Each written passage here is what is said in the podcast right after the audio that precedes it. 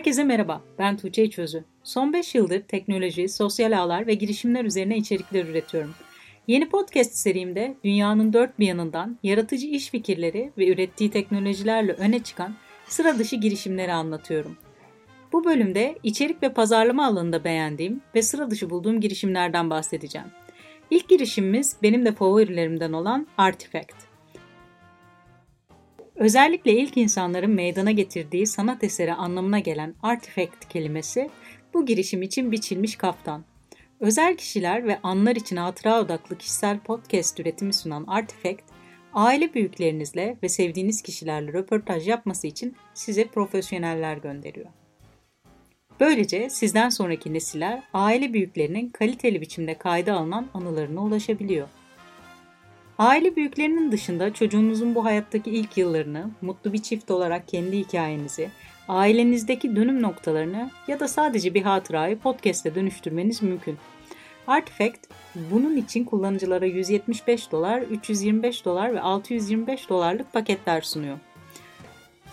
İlk yani en temel pakette iki konuğu kapsayan 30 dakikalık bir röportaj yapılıyor. İkinci pakette 4 farklı konuk alınabiliyor ve iki röportaj gerçekleştirilebiliyor. Röportajlar 20 dakikalık olacak şekilde kurgulanıyor. Son ve en pahalı pakette ise 8 farklı konukla 4 röportaj yapılıyor. Arka plana özenle seçilmiş müzikler de ekleniyor. Buradaki konukları ailenizdeki ya da yakın arkadaş çevrenizdeki insanlar olarak düşünebilirsiniz.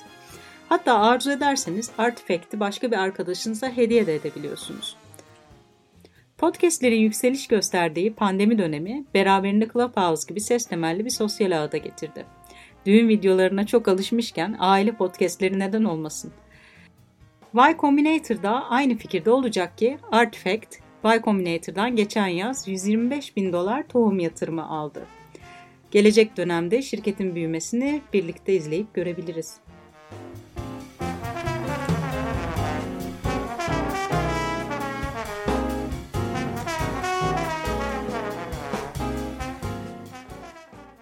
Şimdi gelelim ikinci girişimimize. Çocuklara özel içerikler üreterek YouTube'dan gelir elde etmek gerçekten zor. Tam da bu noktada içerik üreticileriyle anlaşan Hello Soros, çocuklara özel etkileşimli içerikler sunuyor. Böylece çocuklar içerikleri izlerken oyunda oynayabiliyor. HQ Trivia'nın eski ürün yöneticisi ve deneyimli içerik üreticilerinin bir araya geldiği girişim, 3 milyar dolarlık pazardan pay almak konusunda iddialı. Platformda YouTube ya da mobil oyunların aksine reklam yer almıyor. Aileler açısından bu reklamsız ve etkileşimli platformun gerçekten sevildiğini söyleyebiliriz. Girişim pandemiyle birlikte karantina döneminde ailelere ilaç gibi geldi. Kişiselleştirilmiş ve yaşa özel içeriklerin yanı sıra sürekli yenilen bir kütüphaneye sahip olması platformun en önemli özelliklerinden biri. Hellosaurus'un platforma ek olarak bir de Hellosaurus markalı giysi ve ürün satışı yapan e-ticaret sitesi mevcut. Tohum öncesinde Y Combinator'dan 125 bin dolar yatırım alan girişim, tohum yatırımında General Catalyst liderliğinde 3,5 milyon dolar yatırım aldı. EdTech girişimleri yükseliş göstermeye devam ederken Hellosaurus'un sıradan bir içerik platformunun dışında EdTech olarak konumlanması da mümkün.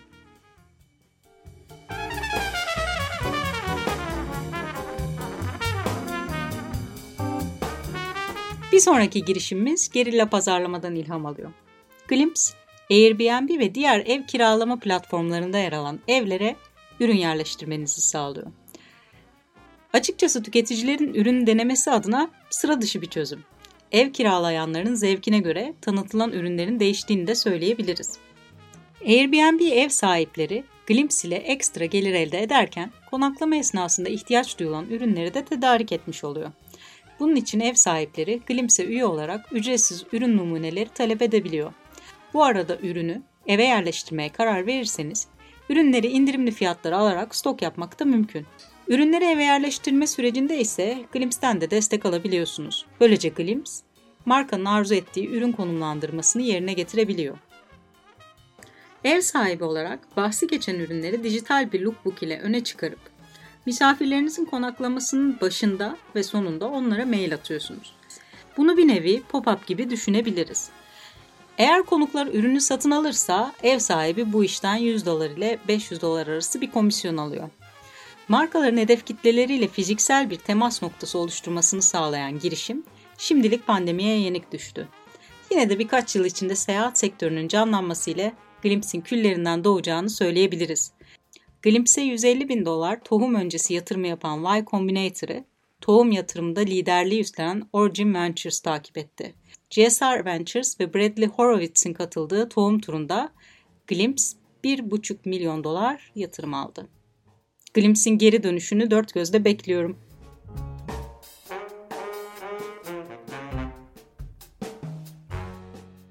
Sıra diğer girişimimiz Mailworm'da. Mailworm, yasal izinleri alınmış pazarlama e-postalarının spam'e düşmesini engelliyor. Bu e-postaların %20'sinin kendini spam kutusunda bulduğunu düşünürsek, Mailworm'un girişim yolculuğunun sorunsuz bir şekilde ilerleyebileceğini söyleyebiliriz. Peki Mailworm nasıl çalışıyor? Aracın kurulumu 2 dakika içinde tamamlanıyor. Ardından Mailworm, binlerce potansiyel müşteri sanki sizin maillerinizde etkileşime giriyormuş gibi davranıyor. Bu paralel aktivite e-posta hizmetlerine ve onların spam dosyalarına pozitif sinyaller gönderiyor.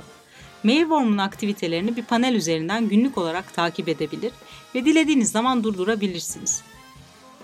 Mailworm aylık 69 dolarla 274 dolar arasında değişen 3 farklı abonelik paketine sahip. Girişim yolculuğunun başında organik büyüme kaydeden Mailworm birkaç ay içinde aylık 50 bin dolar gelire ulaşmayı başardı.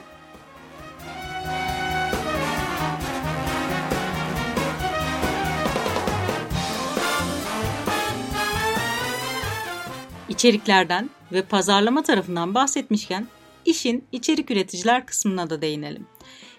Sıradaki girişimimiz Cem'i, içerik üreticilerin video içerik, video toplantılar, birebir görüşmeler ya da tavsiye verme gibi deneyimler üretip satmasını sağlıyor. Ödemelerden %15 pay alan girişim 2020'nin Ağustos ayında 17 bin dolar zarardaydı. Ancak o dönemde haftadan haftaya %30 büyüme kaydediyordu. Cem'in güncel finansal detayları ise resmi olarak henüz açıklanmadı. Y Combinator destekli girişimin Patreon benzeri bir yapıyı bir adım ileri taşıdığını söyleyebiliriz. Bu girişim sizlere Devrim Yaşar'ın girişimi Super Peer'ı hatırlatmış olabilir.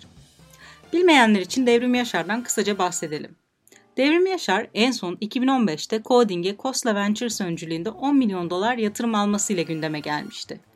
Yaşar'ın yeni girişimi Super Peer, kodlama ya da resim yapma gibi yeni yetenekler geliştirmekte olan kişilerin ya da bir kişiden herhangi bir konuda detaylı bilgi almak isteyenlerin bu konuda uzman olan kişilerle iletişime geçmesini sağlıyor.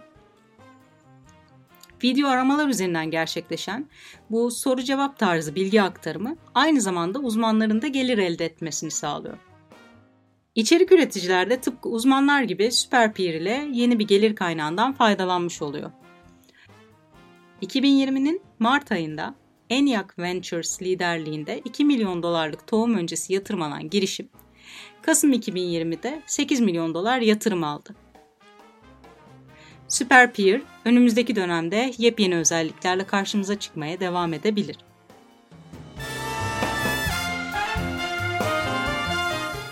Bu bölümde anlatacağım sıra dışı girişimlerin sonuna geldik. Dinlediğiniz için teşekkürler.